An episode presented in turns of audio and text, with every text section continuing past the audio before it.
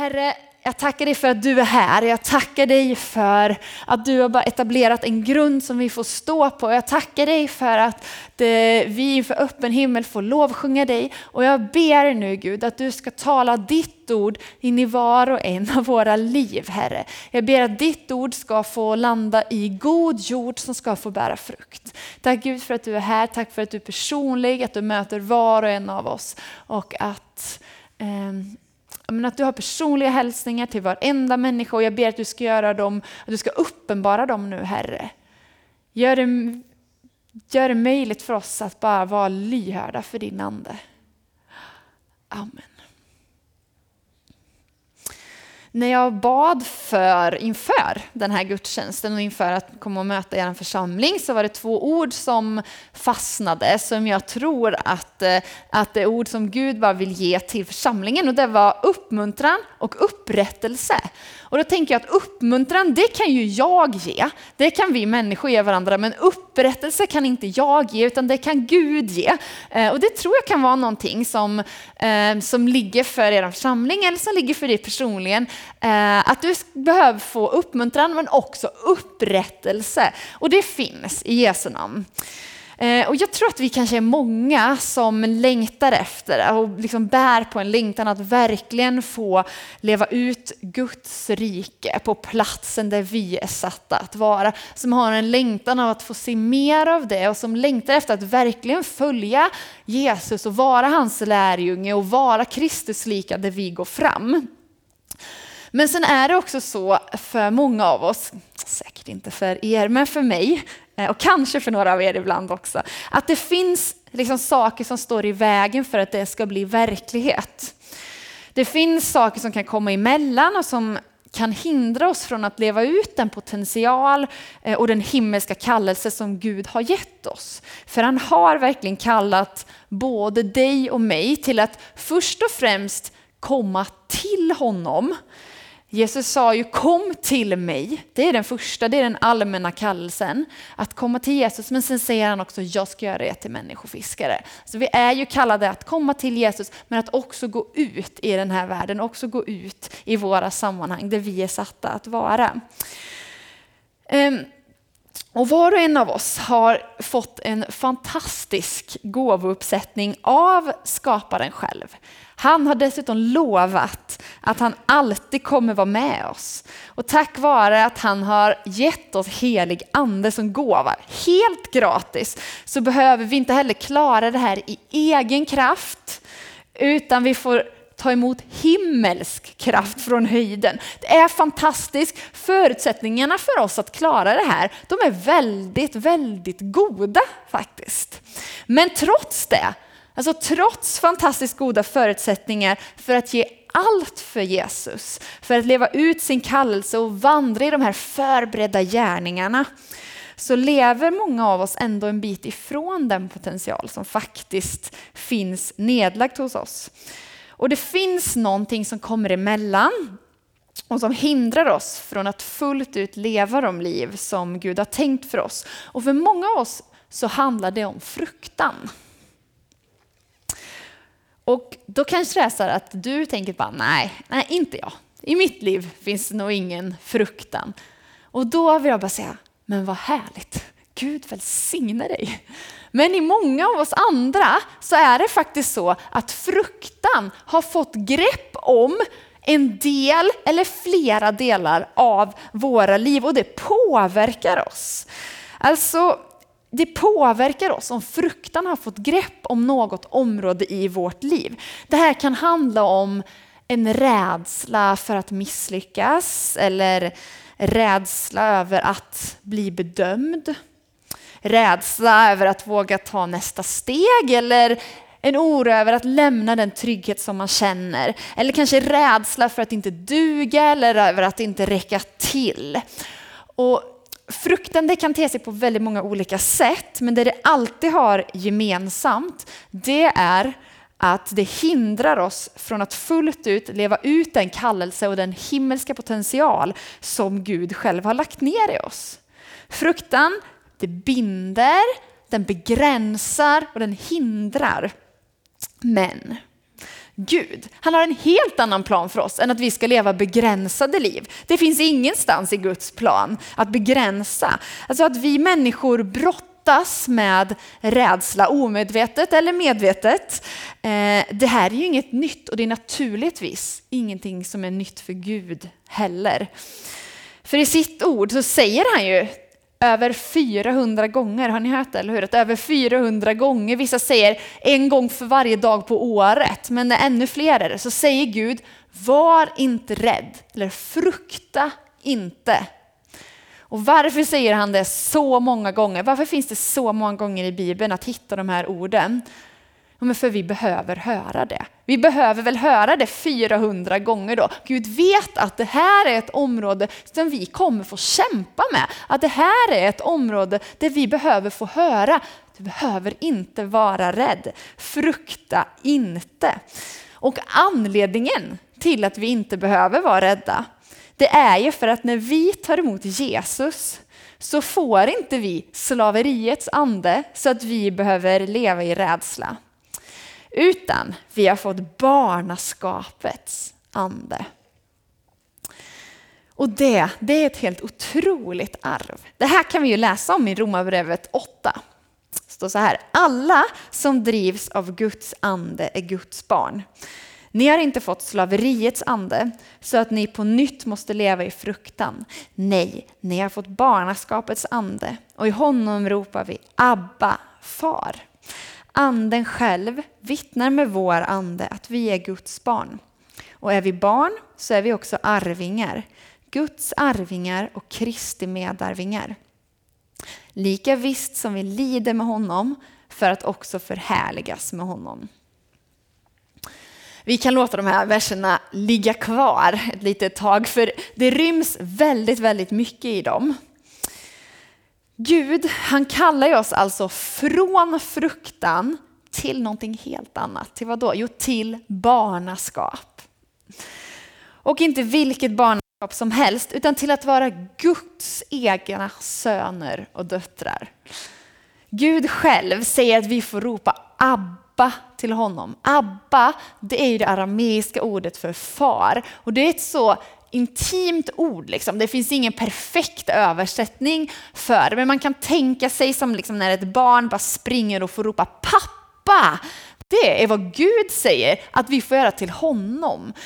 När Eh, jag var hemma med Vera när hon var lite yngre och Anton jobbade, så lärde hon sig att känna igen ljudet hemma av när garageporten öppnades. Och då liksom så tändes ju någonting i hennes ögon och hon kröp mot trappan liksom och ställde sig vid trappgrinden och började ropa pappa, pappa. Och ni vet hur Anton kommer upp för, för trappan och bara lyfter upp henne, har längtat efter henne, tar henne i sin famn.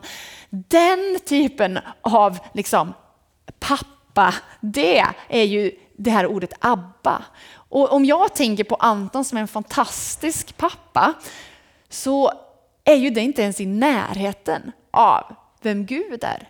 Nu dessutom hemma, när barnen är snoriga, ni vet, fortfarande, det spelar ingen roll att ansiktet är, du vet så, det rinner liksom snor och Vera bara pappa puss! Och Anton fortfarande, ni vet så, lyfter upp henne, pussar hennes snoriga ansikte.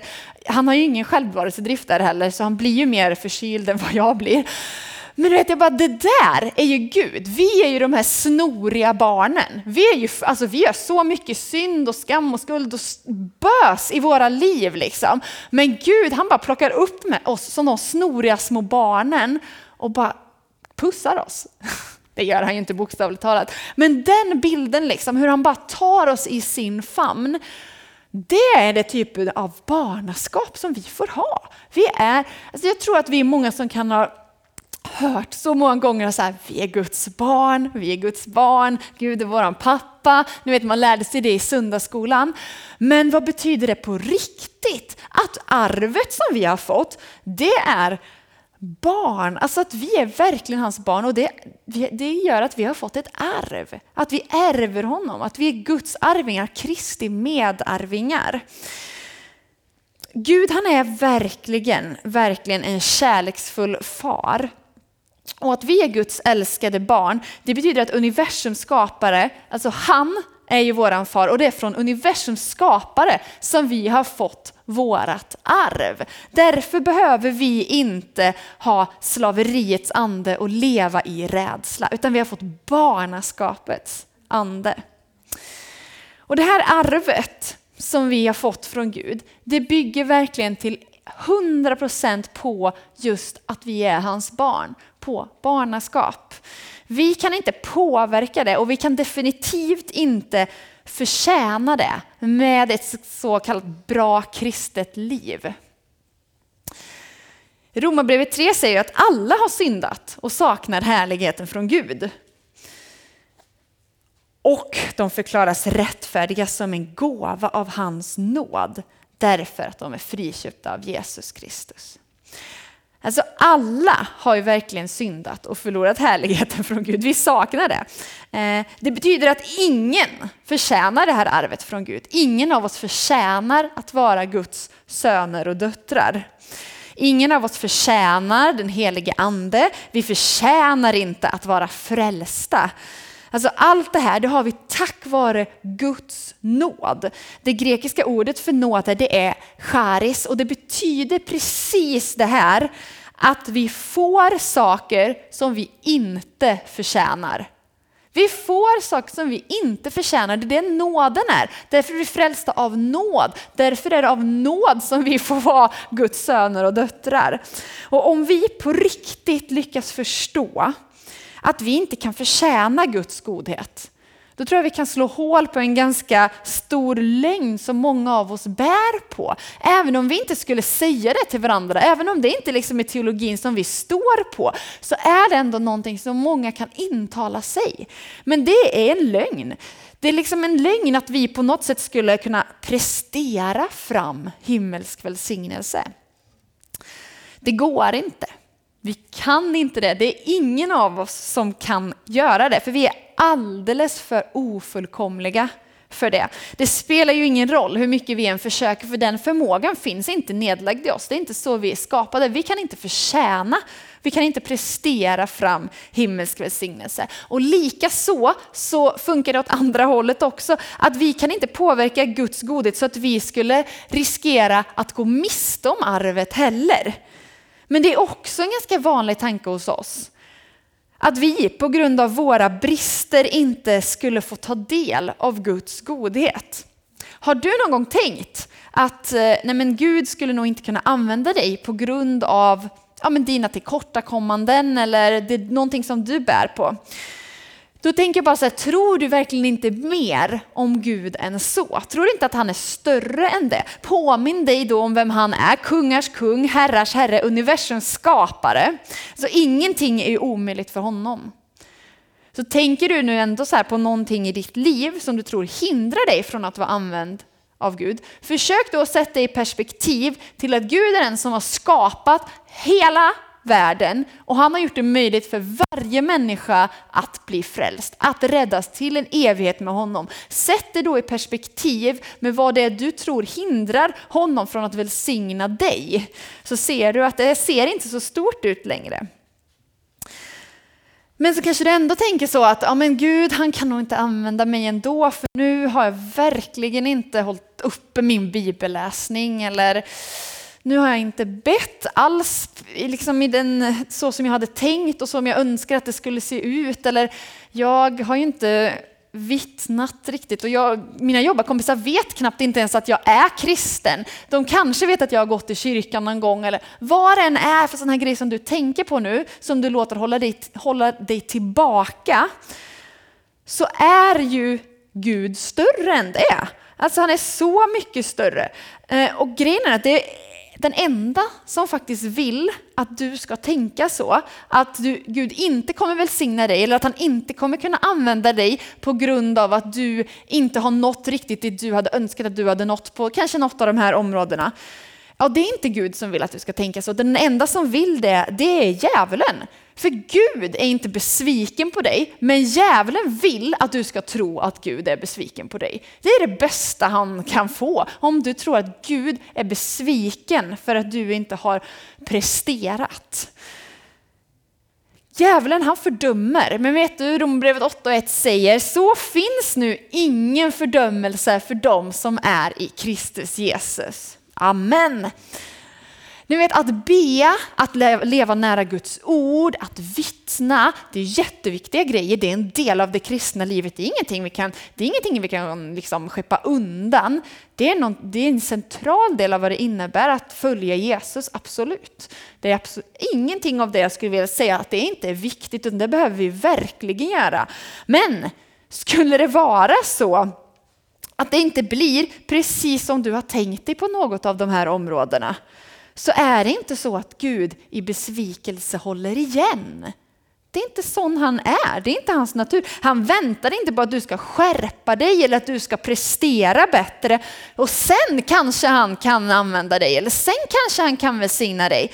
Utan när du gav ditt liv till Jesus så blev du Guds barn och tack vare barnaskapet så har Gud redan gett dig hela arvet. Det är redan ditt för du är hans barn och du har redan ärvt honom.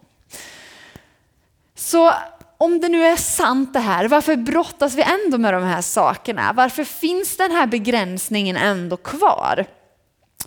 Ja, men I första Petrus brev, kapitel 5, vers 8, så tror jag vi kan läsa en tydlig förklaring. Det står var nyktra och vakna. Er fiende djävulen går omkring som ett rytande lejon och söker efter någon att sluka.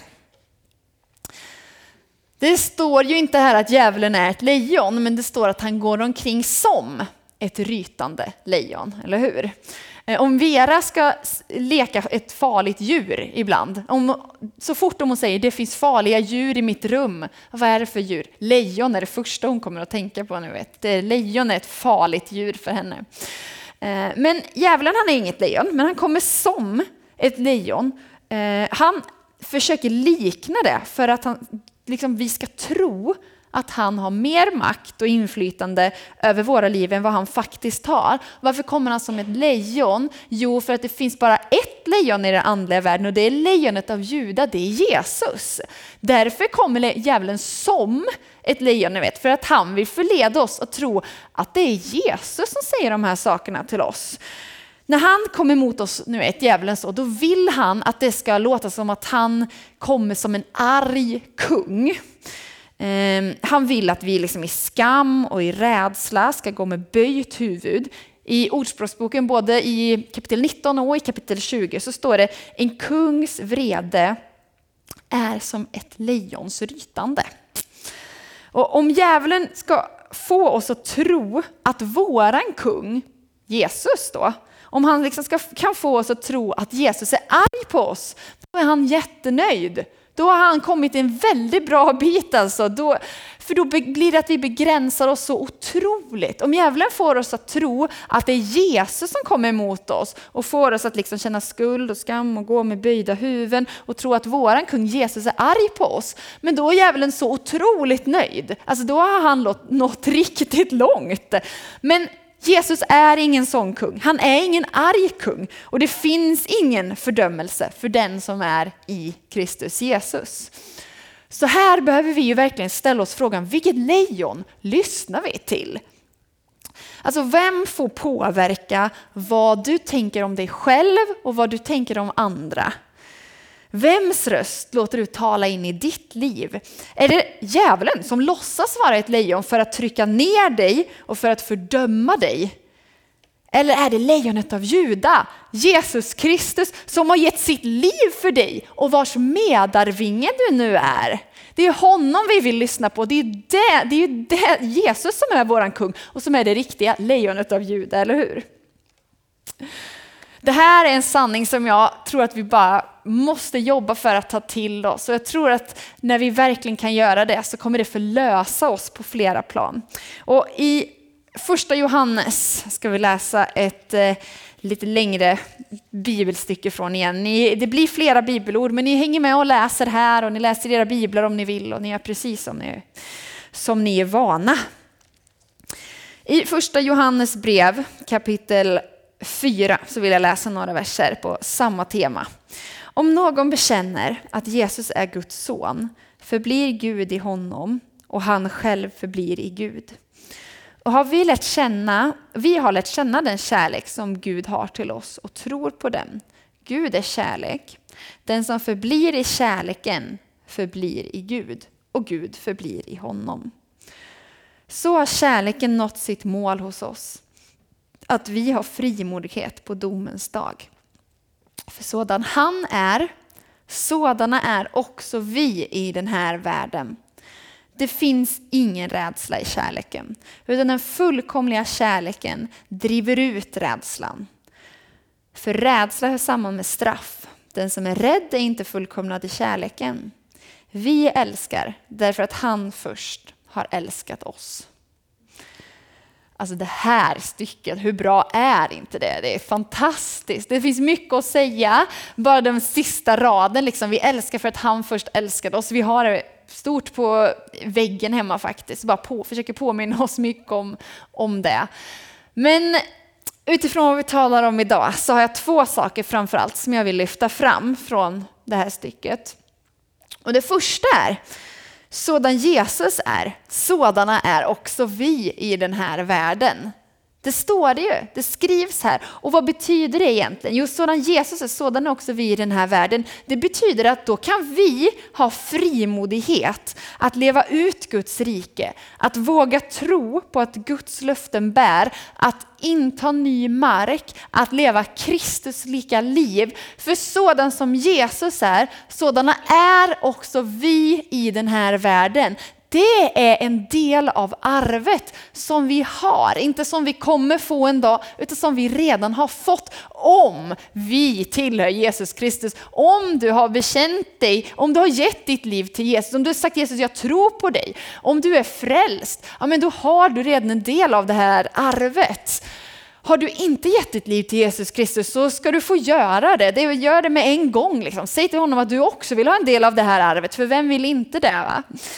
Det andra eh, som jag vill bara lyfta fram från de här verserna, det är att där Guds kärlek kommer in drivs fruktan ut.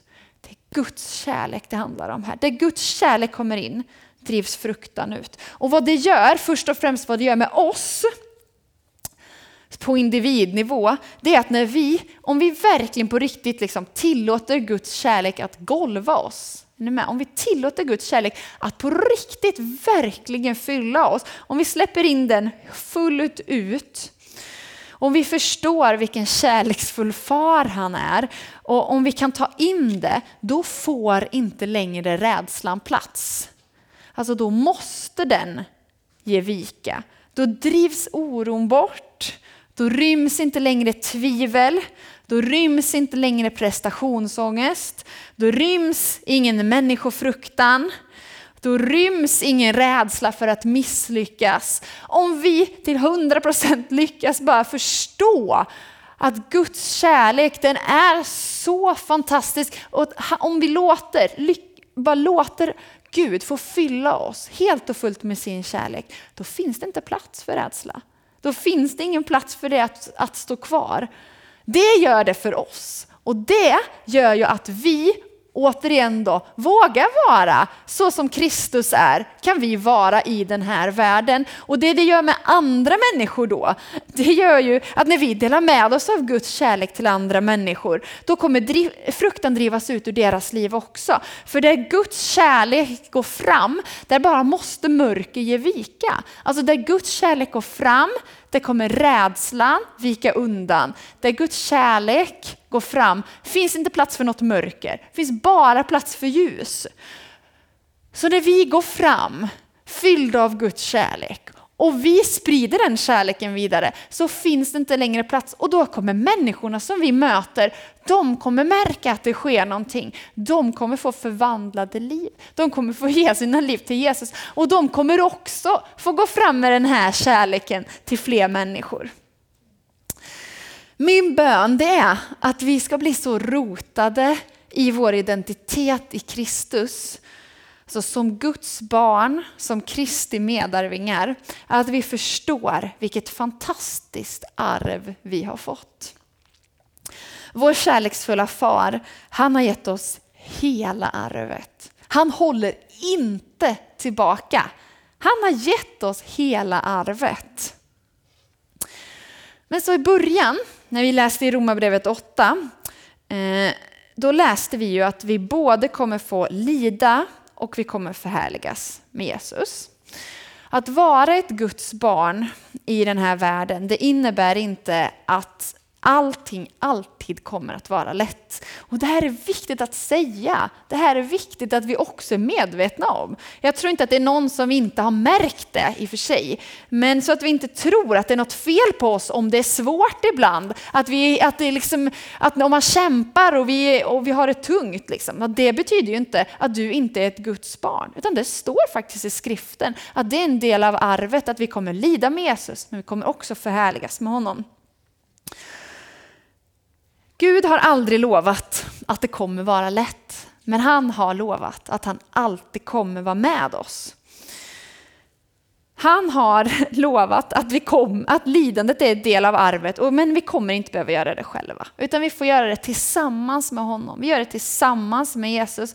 Så står du i en tuff säsong nu och kanske är det så att du har haft svårt att ta till dig liksom glädjebudskapet i det som jag har delat idag. Men då har jag några verser från Jesaja 43 som jag vill bara få läsa över ditt liv. Om det är så att du känner att du står i en tuff säsong eh, och kanske att det nästan känns som att det här är, har varit ogreppbart, liksom, att det känns lite för bra och för långt bort. Eh, då tror jag att det här är till dig, från Jesaja 43. Men så säger nu Herren, han som har skapat dig Jakob. Han som har format dig, Israel. Var inte rädd, för jag har återlöst dig. Jag har kallat dig vid namn. Du är min. Om du går genom vatten är jag med dig, eller genom strömmar så ska de inte dränka dig. Om du går genom eld så ska du inte bli svedd. Lågan ska inte bränna dig, för jag är Herren din Gud, Israels helige, din frälsare. Gud är med oss genom livets alla säsonger. Han kallar oss sina barn och han har välsignat oss med goda, goda gåvor som rustar oss för att tillsammans med varandra och tillsammans med honom breda ut Guds rike i den här världen. I Lukas 12 och 32 så säger Jesus så här, och det här säger han till er nu som hör det här. Säger han så här, var inte rädd du lilla jord, för er far har beslutat att ge er riket. Var inte rädd du lilla jord, för er far har beslutat att ge er riket. Det betyder att Guds rike inte är vårt slutmål, utan det är vår startpunkt. Er far, vår far, har redan beslutat att ge oss riket. Så Guds rike är vår startpunkt. Och det är där härifrån liksom, vi får ta avstamp när vi går vidare ut i den här världen. Jag tror verkligen att Gud vill uppmuntra er starkt. Jag tror att han har mycket, ser så mycket gott i den här församlingen som han vill uppmuntra. Jag tror att det finns så mycket goda gåvor, jag tror att det finns så mycket längtan, jag tror att det finns så mycket engagemang och jag tror att det finns så mycket kärlek för att breda ut Guds rike här som han vill uppmuntra. Jag tror också att det finns mycket som behöver upprättas. Jag tror att Gud kommer nu också med upprättelse. Bara att få tag på identiteten i att vad det verkligen innebär att vara ett Guds barn. Att få tag på identiteten vad det verkligen innebär att vi har fått arvet, att arvet redan är vårat. Du lilla jord, var inte rädd för er far har beslutat att ge er riket. Jag tror att Gud bara vill upprätta er och liksom göra er raka i ryggen där ni får gå fram och veta att sådan Jesus är, sådan är också ni i den här världen. Sådan Jesus är, sådan är också ni här i stöpen. Sådan är också ni på era arbetsplatser, sådan är också ni där ni går fram. Jag tror att Gud verkligen bara vill upprätta er i den kallelsen och ni ska få gå fram raka i ryggen där ni går på de platser där han har ställt er att vara.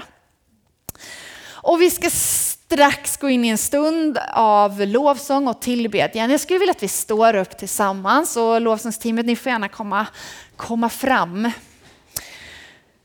För jag tror också att det finns någonting eh, i att vi vågar sträcka oss mot Gud i det här. Eh, precis på samma sätt, om vi tänker på, tänker på de här snoriga barnen igen, liksom, ni vet, som bara kommer springandes med sina armar uppsträckta mot sin pappa. På det sättet får vi också bara komma med våra uppsträckta armar och säga Gud, du är min far, jag är ditt barn. Plocka upp mig Herre. Bara ta upp mig i din famn.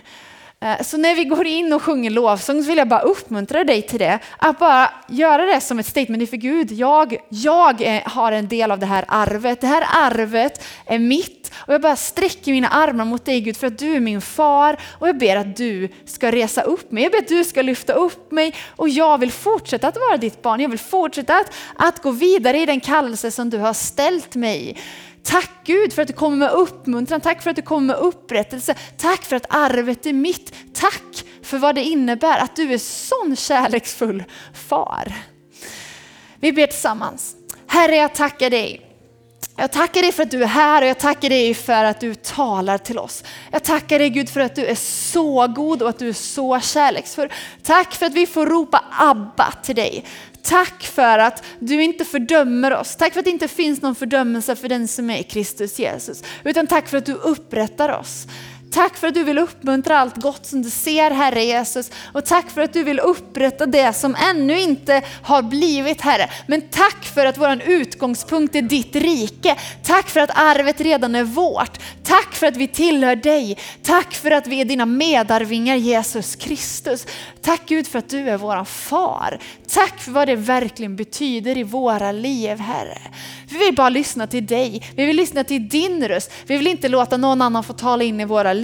Vi vill inte låta rädsla få plats längre, utan vi bara tar emot din kärlek så att rädslan den får ge vika. Den får gå, den får inte längre plats. För du bara fyller på med din kärlek och vi tar emot Herre. Vi väljer att ta emot som dina barn Herre. Tack Jesus.